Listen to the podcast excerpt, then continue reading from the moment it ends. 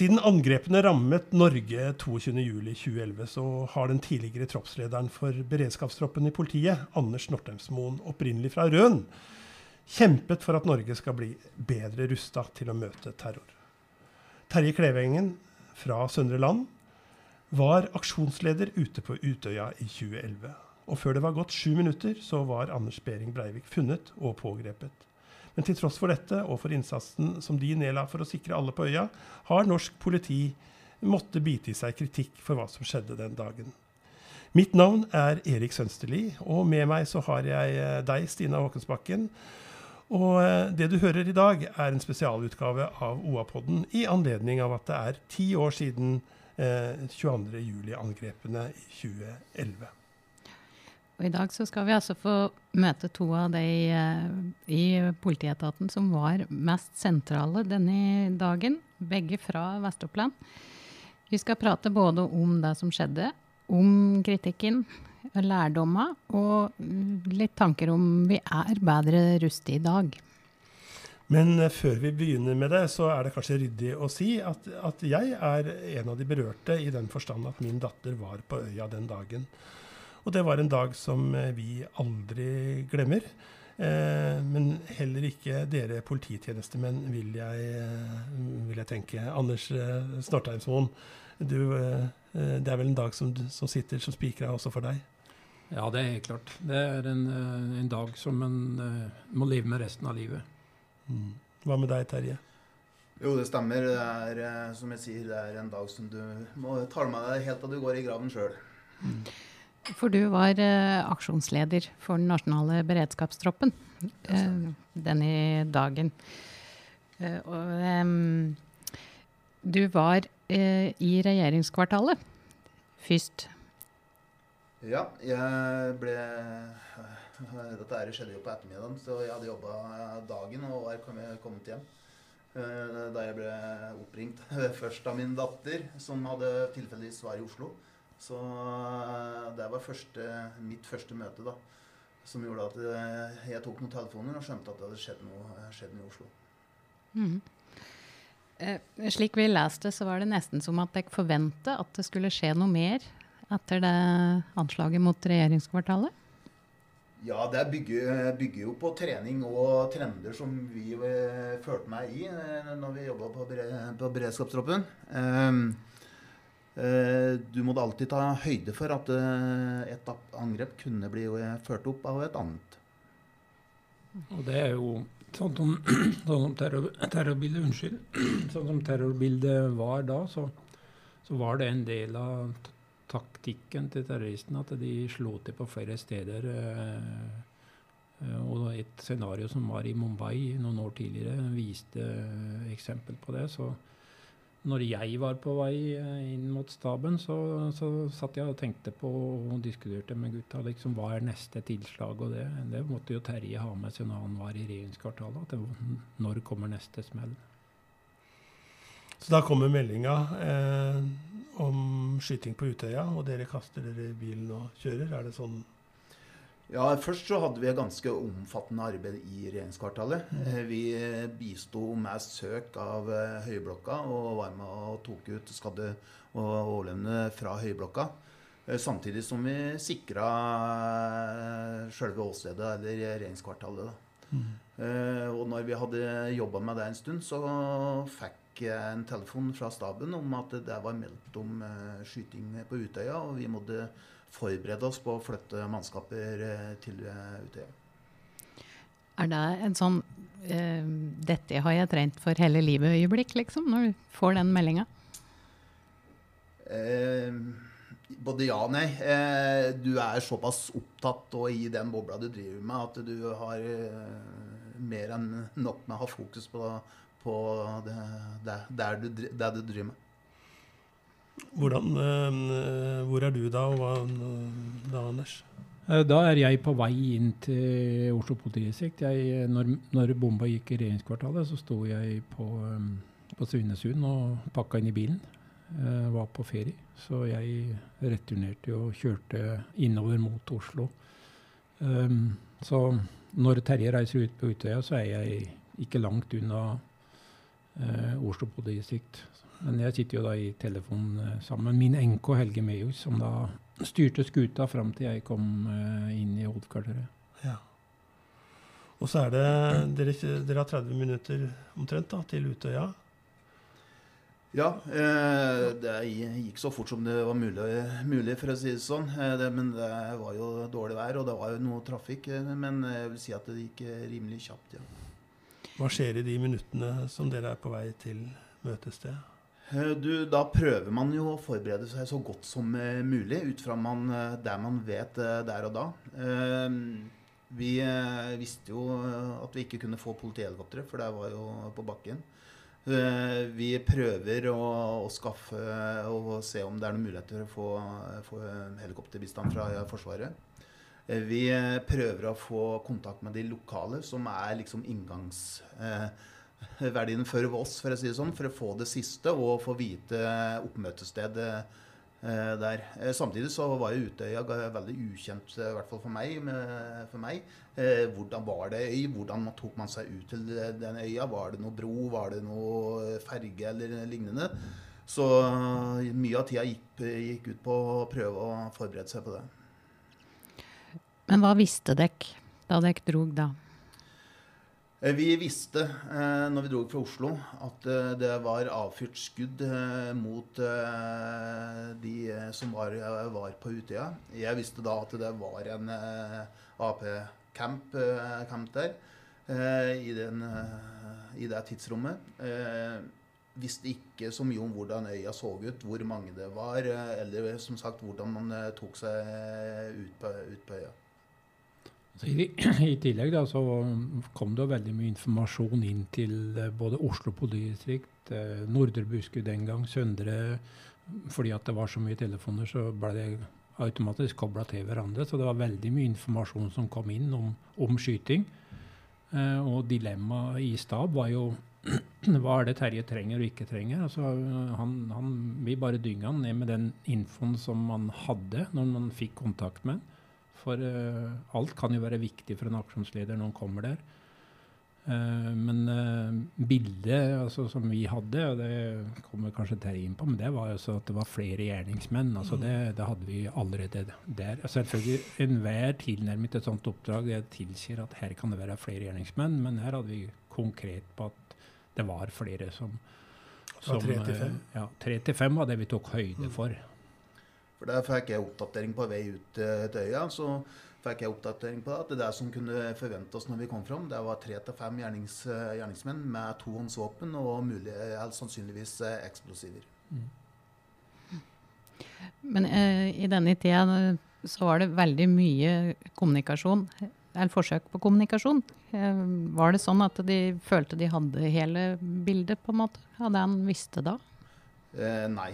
Eh, det var mange utfordringer. Eh, Nordre Buskerud hadde jo et fryktelig press inn mot telefonen, så vi slet jo med å få kontakt med Nordre Buskerud. Så vi hadde jo noen eh, som var i min, eh, min tropp, da, som var derifra, som prøvde å, å få det, til med den kontakten. Så det gikk jo litt via via. Og etter hvert så greide vi å få, få den kontakten. Samtidig så var jo at det her i forbindelse med utbygging av nødnettet. slik at Oslo hadde jo nødnett, men det hadde jo ikke Nordre Buskerud. Eh, hadde jo det gamle, gamle altså sambandet, slik at det også ble en stor utfordring for oss. Men så eh, kommer dere fra, og så kommer vi til dette der eh, hvordan en skal komme seg over til øya. Og ifra dette så har vi jo alle sett dette her bildet av den båten eh, som var så full. Hva, og hva er det som skjedde da?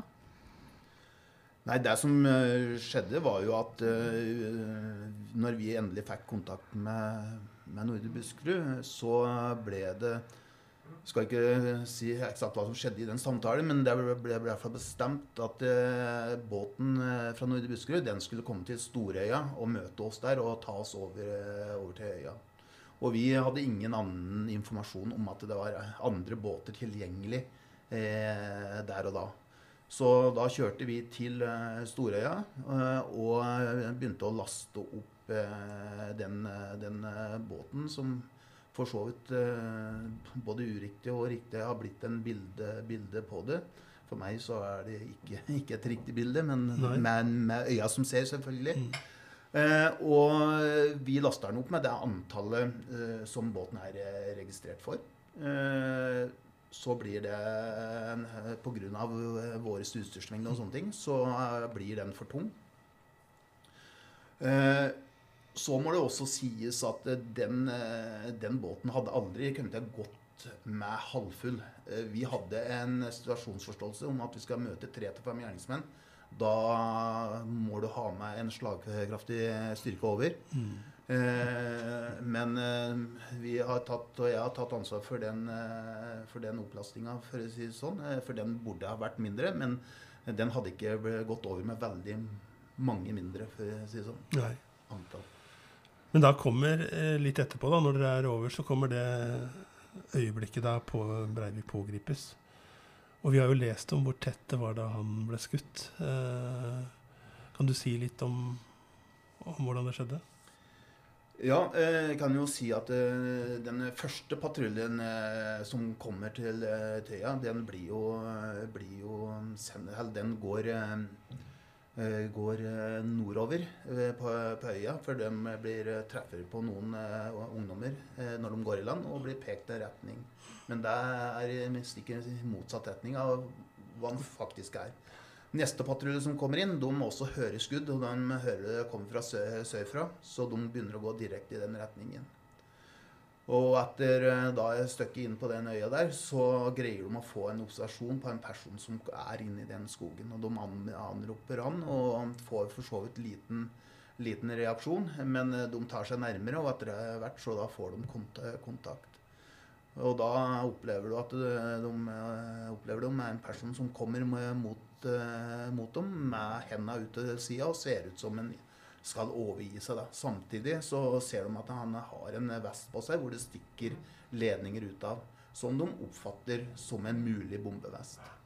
Og klart at det da eh, står de i en veldig vanskelig situasjon, og det er mange, mange vurderinger som eh, må tas. Eh, men eh, ut ifra de Altså når han kommer imot dem, og etter hvert etterkommer de eh, ordre som blir gitt, så ender det med en eh, pågripelse. Ja, og det, Måten det blir gjort på, er jo helt i henhold til det som vi har trent på, og hvordan det skal gjøres. For det er klart, jeg føler at jeg må si at det er, det er en sånn ekstrem situasjon at, at Breivik er jo veldig nær ved å bli skutt. Altså han i praksis, for de som er inne i våpenverdenen, så er han jo i ferd med å bli skutt, men han stopper, og da er han sjøl som avgjør om han blir skutt eller ikke. Er det riktig å si at det nesten er på spissen av liksom hvordan, du, ja, hvordan politiet, spesialstyrker, er trent? Altså det, etter jeg har lest, så er på en måte fingeren på vei inn. Da det blir Det er jo en helt ekstrem situasjon. Ja, det er det. Det er en helt ekstrem situasjon. Men her må vi også gi eh, kreditt til resten av norsk politi. Altså Hvis man har gått inn i bruken av våpen her, så er det utrolig mange situasjoner der man kunne ha skutt, men man ikke har skutt fordi man har gjort gode vurderinger som på en måte eh, selv, om, selv om hjemmelen for å skyte er der, så, så gjør det det ikke før enn det er helt strengt nødvendig.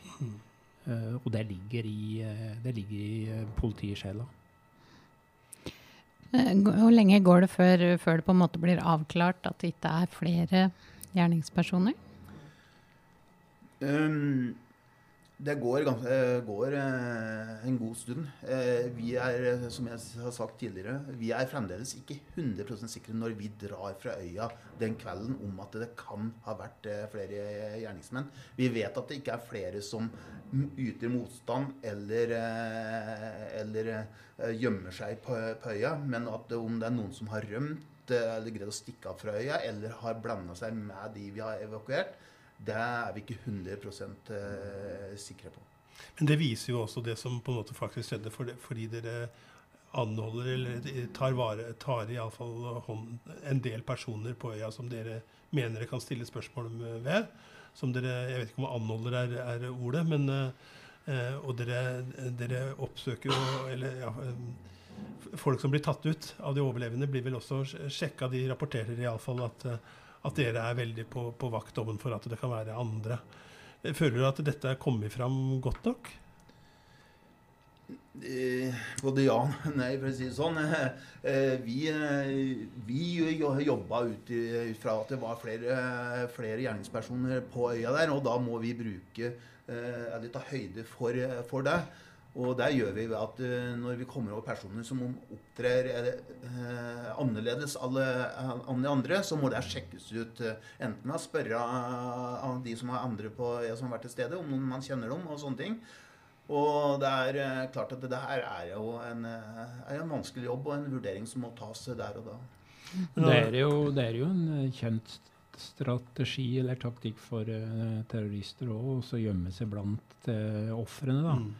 Uh, Og prøve å skjule seg. og det Terje og gjengen fikk jo beskjed om at det var flere gjerningsmenn mm. og, og, sånn på øya av de som var der òg. Eh, de opplyste jo at det, er flere som løper rundt og skyter. Så, så det, er, eh, det, er, helt naturlig at når folk har en helt atypisk reaksjon en, på, en sånn, på, en sånn, plass, så må, må, man sjekke ut det. Og det, det kan oppleves som vanskelig for den som blir utsatt for det. For det er klart, det her kan det være sjokk og andre ting som gjør at man får en helt uh, atypisk reaksjon uh, på det. Så, men, men her, må, her, må, Terje og gjengen være proffe og så sjekke ut alle. Uh, magefølelsen. Hvis den sier at det er noe som må gjøres noe med, så gjør de selvfølgelig det.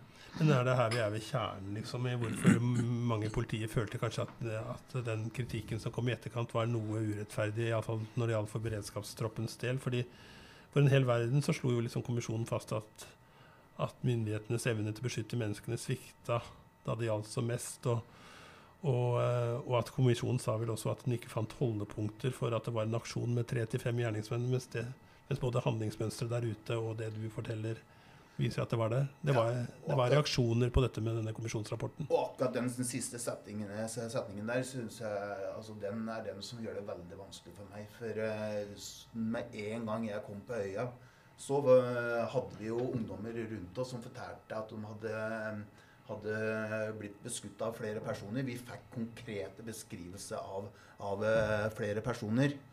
Uh, og det ble også for når jeg var i til kommisjonen, så fortalte jeg uh, om det her. Og da syns jeg det var veldig vanskelig for å forholde seg akkurat den setningen der.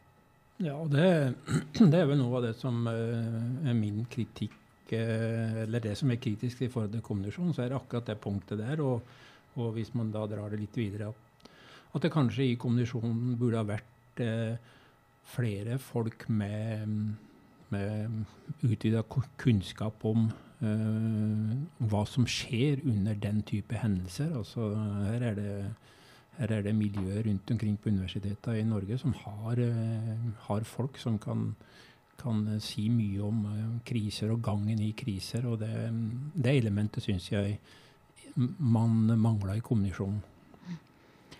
For det føltes nesten som at de ikke trodde ja. på dere? Ja, det, jo, det, det, det står jo svart på hvitt at, eh, at det, står vel også noe om at de kan ikke se bort ifra at det kan ha kommet noe informasjon eh, om det. Men jeg, altså, vi sitter jo foran konvensjonen og sier at det her, det her fikk vi be, beskjed om. Og da ikke det blir skrevet på en annen måte, det syns jeg er litt vanskelig å forholde seg til.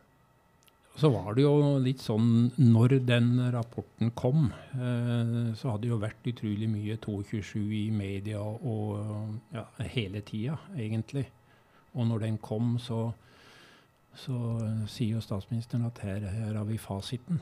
Eh, og så eh, hadde man jo kommunikasjon med ledelsen i Oslo politidistrikt der man sa at dette må, vi må jo svare opp det her. Eh, mens da var det liten vilje til det. Så hvis det er noe jeg skulle gjort annerledes, så skulle jeg kanskje ha tatt hardere på akkurat der og da for å svart opp den kommisjonsrapporten uh, inn mot det punktet her.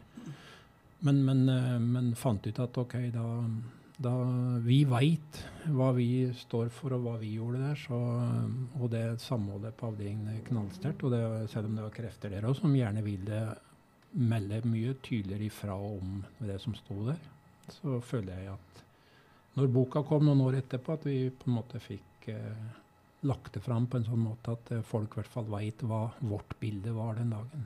Ja, Da snakker vi om boka 'På vår vakt'. Ja. Mm. For der sier jo han eh, som ble stabssjef i Oslo, at eh, det var litt av hensynet til etterlatte og berørte at det ikke ble gått ut. Ja da, og det, det, det, det var liksom For å si det sånn, når du fikk den servert, liksom tenkte du at OK, ja, eh, da må vi tenke på de. Altså, man hadde lyst til å slåss videre, men eh, eh, ja, my, mye av begrunnelsen var at det, det, det hadde vært så mye 22, og det, det, satt noen som hadde større utfordringer enn det beredskapstroppens mannskaper hadde, for å si det sånn. Han sa òg noe i den boka om at um, det like mye var en fortelling om ressurser som ikke fantes, og som fortsatt da ikke fantes da den boka kom ut, i hvert fall.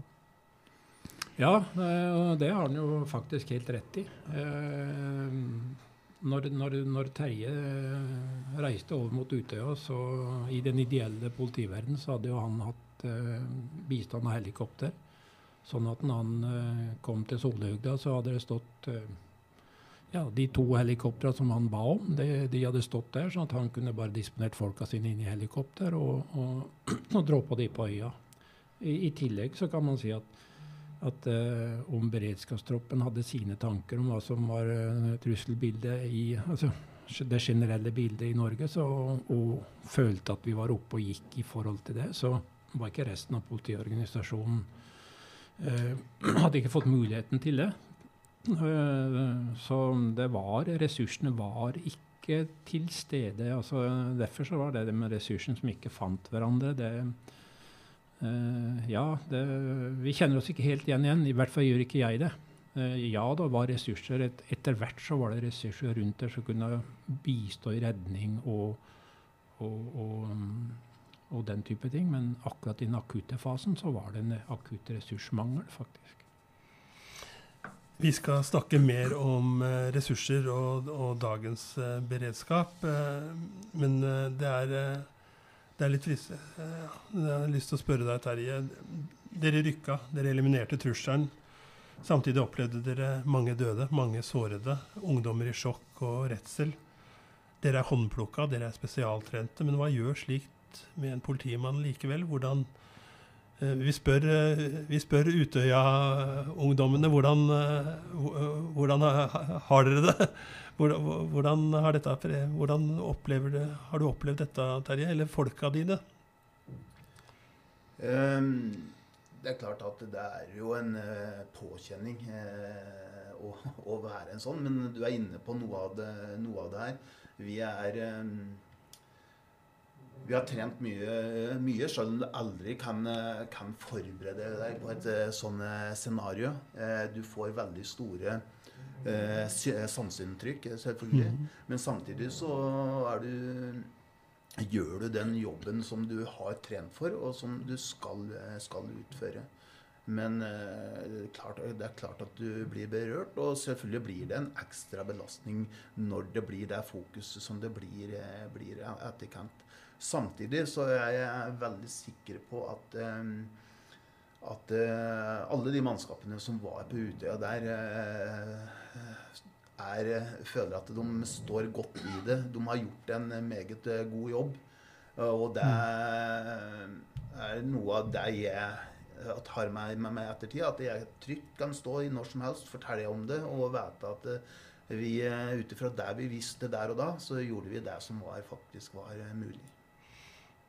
For det konterte alt som det var tre til fem, ikke sant? Og som du sa litt før vi gikk i studio her, at liksom hadde du visst at det var én, så hadde det vært et annet scenario. Da måtte, hadde aksjonen blitt gjennomført på en helt annen måte. Mm.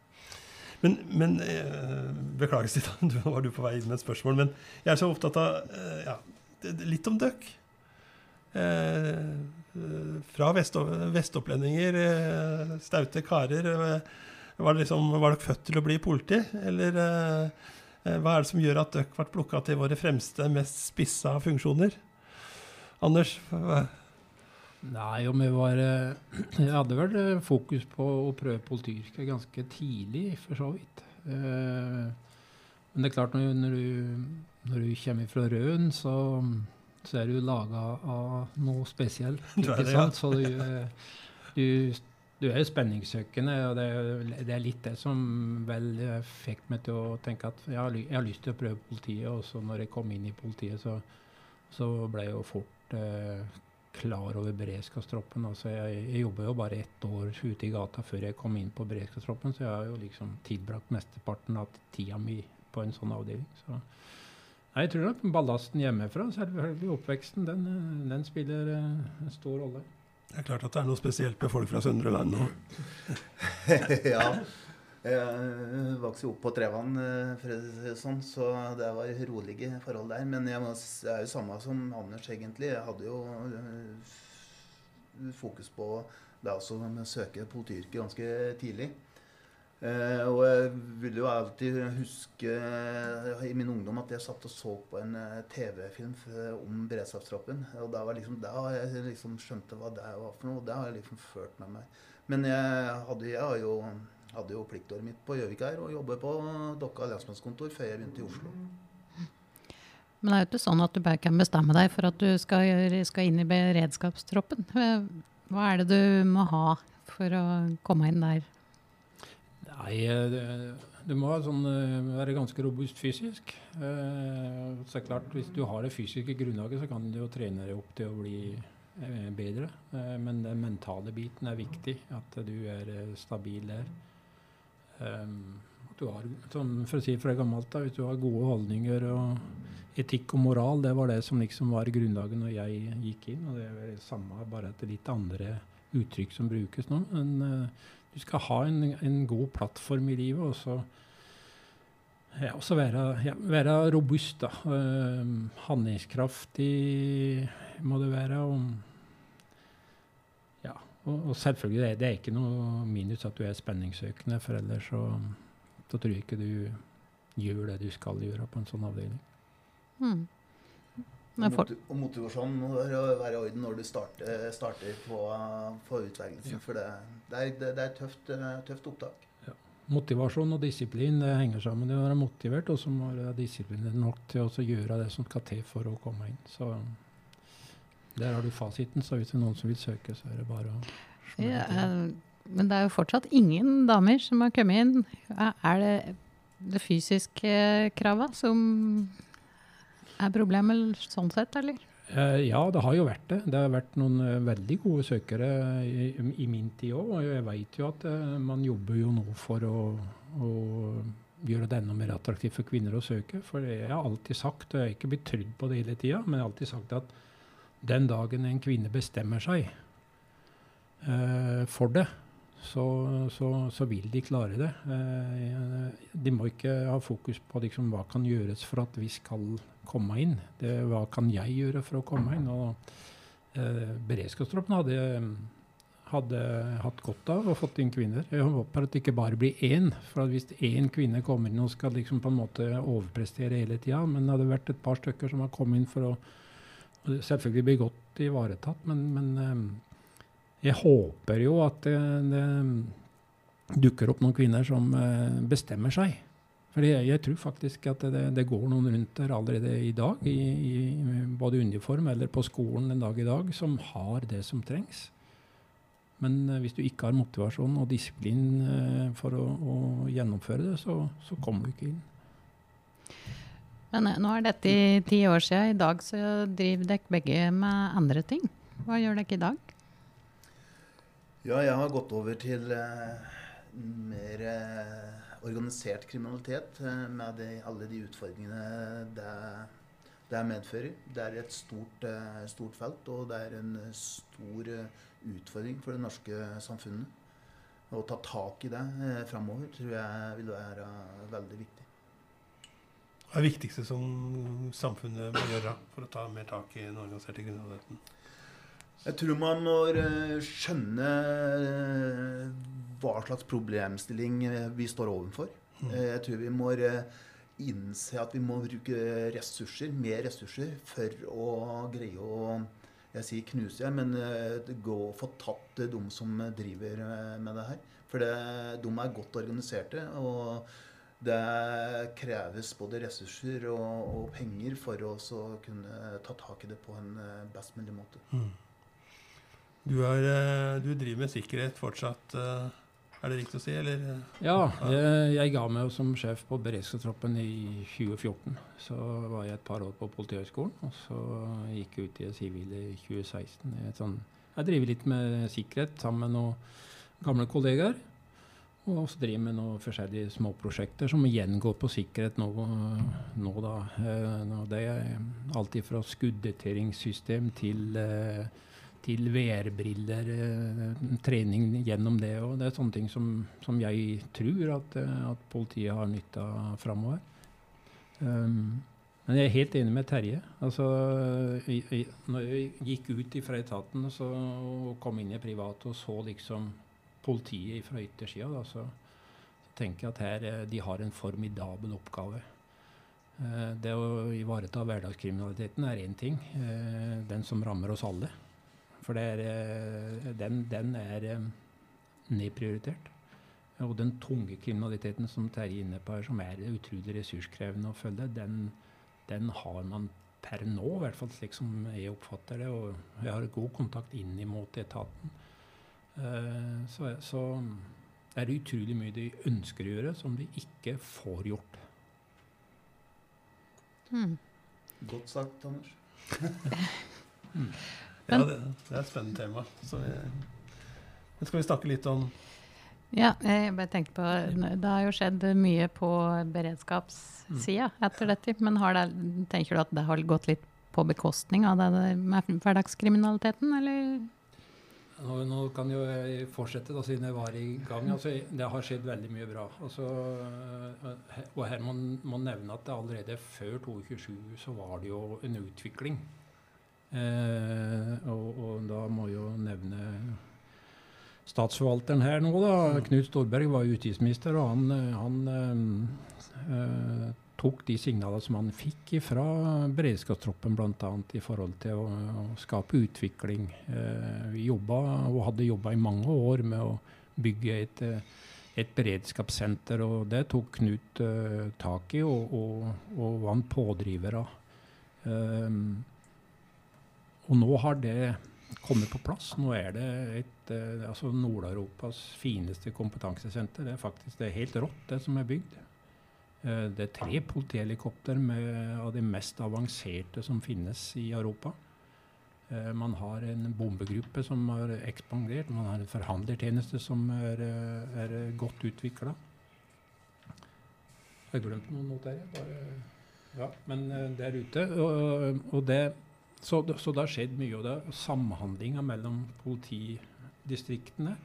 Altså Utrykningsenhetene de skal de skal jo inn i miljøet til eh, beredskapssenteret, og de skal trene samtrene for å utvikle teknikker og taktikker. Så liksom, det er veldig mye her. Vi har fått et, eh, et, et eh, system, altså Plivo, som går på, på det med livstruende vold, eh, der eh, nødetatene samhandler. Eh, altså det er veldig mye som har skjedd som gjør at man i utgangspunktet er bedre rusta til å håndtere en situasjon nå i dag enn det man var for ti år siden. Så, når man er kritisk til om det er gjort nok, så må man ikke glemme at den utviklingen har kommet.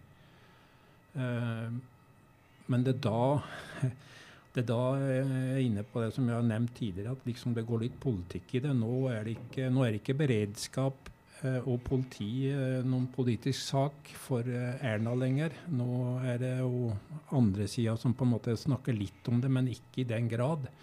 For det, beredskap er ferskvare. Og så må man være klar på hva er beredskap. Jo, det er forebyggende politiarbeid er beredskap. Etterforskning er beredskap for å ja, for det første oppklare, men også forebygge nye hendelser. Så det er veldig mye som ligger i, under ordet beredskap.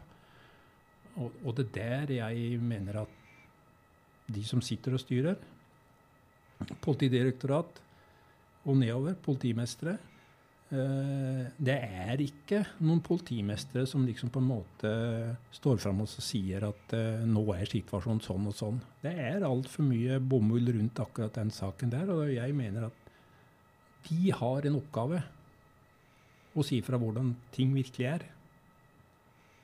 Og det er mulig at jeg svartmaler litt, men jeg syns at det er, det er bekymringsfullt uh, for de polititjenestepersonene som er ute nå. De, de vil gjerne men får ikke lov. Men det er lettere å bevilge penger til et beredskapssenter enn å styrke distrikta, sånn at de har ordentlig med etterforskningsressurser, liksom? Ja, men du kan si det beredskapssenteret. Man må se på at det beredskapssenteret er jo det er for hele landet. Altså, så det Mm. vil jo heve den operative kompetansen til hele landet. Så, så sånn sett så, Men det, det er klart det er lettere å, å bruke det som et flaggskip.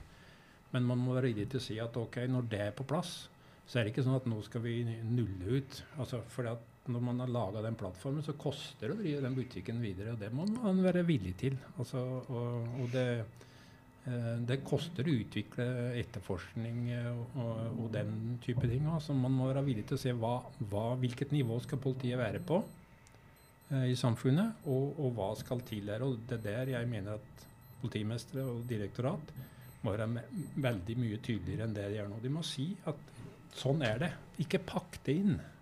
Hvorfor pakker de det inn? Hvorfor er de så utydelige? Ja, det må du nesten spørre de om, men, men det er liksom en sånn der at uh, Man er kanskje redd for å skape frykt uh, der ute, eller kanskje er det, det man kan tenke at ok, det er stillere hvis vi bare på en måte sitter i ro i båten, så går dette over, men det gjør det ikke. Det er jo viktig at det er med beredskap og det hverdagslige det med organisert, det går hånd i hånd. Ja. Altså Det skal ikke noe ene eller den andre. Det er begge deler.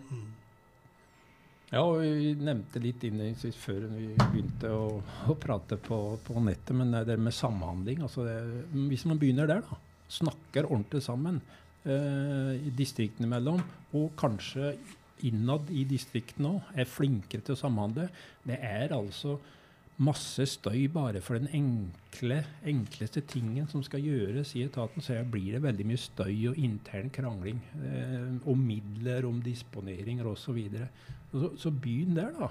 Begynn og tenk sånn at ok, hvordan skal vi bli bedre sammen? For det er det det handler om. Det, mm, jeg har alltid sagt denne godfotteorien til Eggen. Les litt i den boka. Jeg kan være mye uenig i han og Rosenborg og alt dette, men les litt i den boka om hvordan man gjør hverandre gode. og Da er det da er det, det liksom at man må faktisk stole på hverandre, må være åpen og ærlig med hverandre. Og så må man liksom stole på at det budskapet du kommer med, det er faktisk det beste for oss alle, ikke bare for meg. Og selv om du er uenig i en avgjørelse som blir tatt, du, hvis du har fått være med på å diskutere, så blir avgjørelsen tatt. Selv om du vært, er uenig, så er det faktisk vår avgjørelse. Og Det tror jeg så, så basic som det. altså at Rett og slett uh, Se deg sjøl i speilet og så snakk ut, og snakk med hverandre. Og, og sørg for at kartet uh, stemmer med terrenget. Når, når kommisjonen kom, eller da kommisjonen kom, så snakka den om at det var ressurser som ikke fant hverandre. Politiet er stort. Du sier at det er mange eh, ja, mye støy fra ulike kanter. Mm. Når noe skarpt skjer, så må jo ting skje bang, bang, bang. Mm. Eh, jeg hadde nær sagt Forsvaret har Forsvarets overkommando. Mm. Burde man ha, har, man en så, har man en slags sånn overkommando eller en slags sentral hånd når, når, når det er krevet? Ja, Man har jo Politidirektoratet, og de har jo Ja. sin, uh, sin um, operasjonssentral, holdt jeg på å si. Ja. Sånn kommandosentral. Men, men eh, i min verden så er ikke de eh, Unnskyld. De er ikke De har ikke nok eh, Eller tydelig nok mandat. Mm. Det er liksom sånn at uh, distriktene skal rønnere, og så skal de bare være rådgiver og retningsgivende. Jeg, jeg ville nok foretrekt at de hadde vært mer på rattet. eh, og ikke bare i krise, eh, krisehendelser. Det, da går stabene til distriktene sammen og, og gjør jobber. Men, men i, i det daglige, at, at PODS uh, gir beskjed om hvordan ting skal være, og sørger for at de føringer som blir gitt, det blir faktisk fulgt. Det er ikke sånn at eh, nei, det passer ikke oss, eller det, sånn, altså det blir gjort, og så gjør man det beste ut av det. det mm, så litt mer trøkk fra Politidirektoratet, det hadde ikke gjort noen ting. Jeg, jeg syns det er litt interessant det du sier med, med distrikta, da, som um, Det eh, blir litt mye fokus på spara, kanskje. da. Jeg så bare i fjor var det 49 millioner i minus i Innlandet. Uh, og det blir jo Det gjør jo Alle har vel si en sånn organisasjon som uh, må se på det i runden, liksom. Ja, også, liksom, men, men, da man, man må også tenke på hva er, det vi, hva vi internt kan gjøre? Altså, Kan vi løse dette på en annen måte? Er det noen endringer vi kan gjøre? Det, der er politiet, som en del andre organisasjoner, litt, der er vi litt sidrumpa. Uh, at uh, da uh, tenk, vi, vi, har gjort det sånn, og det har gått bra hele tida. så er det kanskje at vi gjør noen vrier, da, eller rett og slett i noen settinger så har vi et regelverk arbeidstidsbestemmelsene de er regulert. Eh, og, og det, er arbeid, det, er ikke bare for at arbeidsgiver skal få maks ut av den ansatte, det er faktisk for å ivareta den ansatte. Så det er liksom en sånn eh, sak som Hvis man følger den, og løser det så godt som det lar seg gjøre, i hvert fall i hverdagen, når, når kriser og sånn eh, skjer, så har man egne mekanismer. Men, men der er det mye å hente, og det vil for det første ta godt vare på um, arbeidstaker. Det vil gi uh, arbeidsgiver uh, en, en, større mulighet til å disponere midler på en god måte. Og, og, summen av det vil medføre at vi, når vi blir satt sier fortsatt vi, selv om det er sluttet politiet, når vi blir satt til en krevende jobb, da så har vi større forutsetning for å løse den, for da er vi bedre. Og alt, alt ligger i å ha gode forberedelser. Er du godt forberedt, da har du en fair sjanse til å lykkes. Må støtte Anders i, i, den. Altså, vi har ting innad som vi må ta tak i og kan garantert uh, hente ut uh, bedre ut av det, det, vi får. Men samtidig så, så må en også være, være, klar over at det å drifte politiet eller uh, eller bruke ressursene i dag, er mye mer krevende enn det var for 10-20 år siden. Så, så en etterforskning eh, f.eks. det koster jo utrolig mye mer enn det gjorde tidligere. Ja, og, og det er helt enig Terje. Og det er liksom sånn at, og hvem kan fortelle om dette der? Jo, det er jo de som er eh, altså politimestere og direktoratet. Det er jo de som må få fram det reelle bildet. Eh, dette er utfordringen. Og så blir gjerne si at ja, men da gjør ikke dere jobben nok, godt nok. Men da ta den utfordringen, da. Nå har vi verken eh, sjefen for Politidirektoratet her eller eh, politimesterne her, eller, men hva, hva, er de største truslene vi står ovenfor i dag, ti år etter 22.07? Eh, Anders, tror du? Nei, altså Nå har det kommet veldig mye trusselvurderinger. PST kommet sin sammen med Etterretningstjenesten, og, og, og det er det er veldig gode trusselvurderinger som ligger der. Så det liksom viser hva som er utfordringene. Men, men den, den, eh, den, største utfordringen eh, det er faktisk å gjøre de tiltakene som skal til i henhold til trusselvurderinger. Mm. Fordi trusselvurderingene er jo ikke verdt noen ting hvis vi ikke tar de på alvor. Mm. Og det er liksom den viljen til å si at når, hvis vi aksepterer at bildet som ligger der ute, er sånn og sånn, så må vi også akseptere at da må vi gjøre tiltakene. Uh, et eksempel på det er pandemi. Ja. Eh, DSB hadde en trusselvurdering. Hva er det som kan skje i samfunnet? Pandemi lå på topp, og det har ligget på topp lenge. Og så kommer pandemien. Er vi forberedt?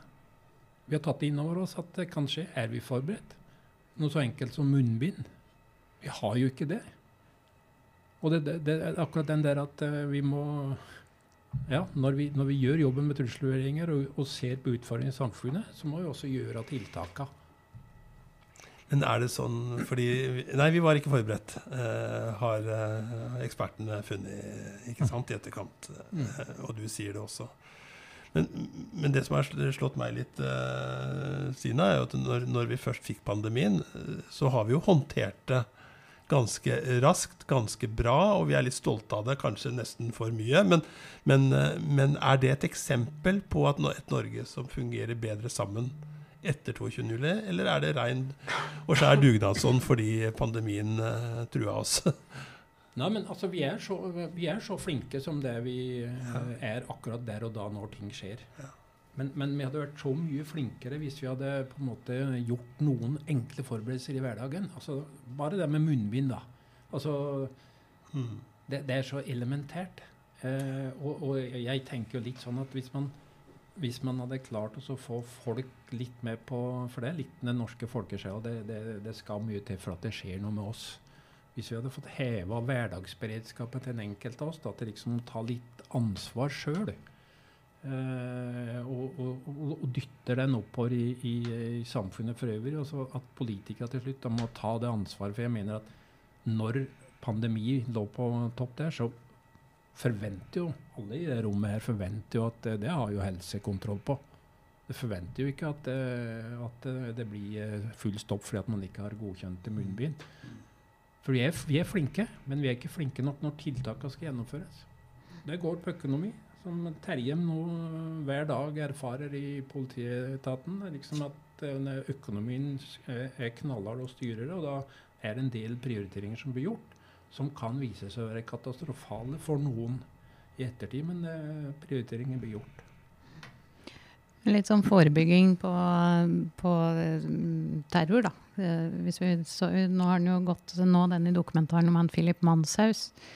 Og mm, hvis en tenker munnbind i den forbindelse, så er det kanskje dette her med tilgangen på nett og Åssen eh, skal en forebygge noe sånt? Jeg sier forebygging er også en del av politiet det er jo utfordrende i dagens uh, samfunn. Uh, vi voksne vi er kanskje ikke på de samme mediene som ungdommene våre er, i, blant annet. Men det er jo så at, hver enkelt må ta litt ansvar. Følge med de som er er sine nærmeste, prate med hverandre, prøve å ha et åpent samfunn. Eh, skjønne litt hva som skjer eh, rundt en. Eh, det tror jeg er i hvert fall et, et, start, startpunkt, i hvert fall. Mm. Og så har vi jo PST, og vi har Kripos, og vi har det nye, nye senteret for IT som liksom det nasjonale som liksom Man jobber jo mot det, men det er jo en enorm utfordring. Men man må bare akseptere at, eh, at, at det koster litt penger. Og vi, hvis vi ønsker å ta kontroll på utviklinga, så må vi også ligge i forkant der.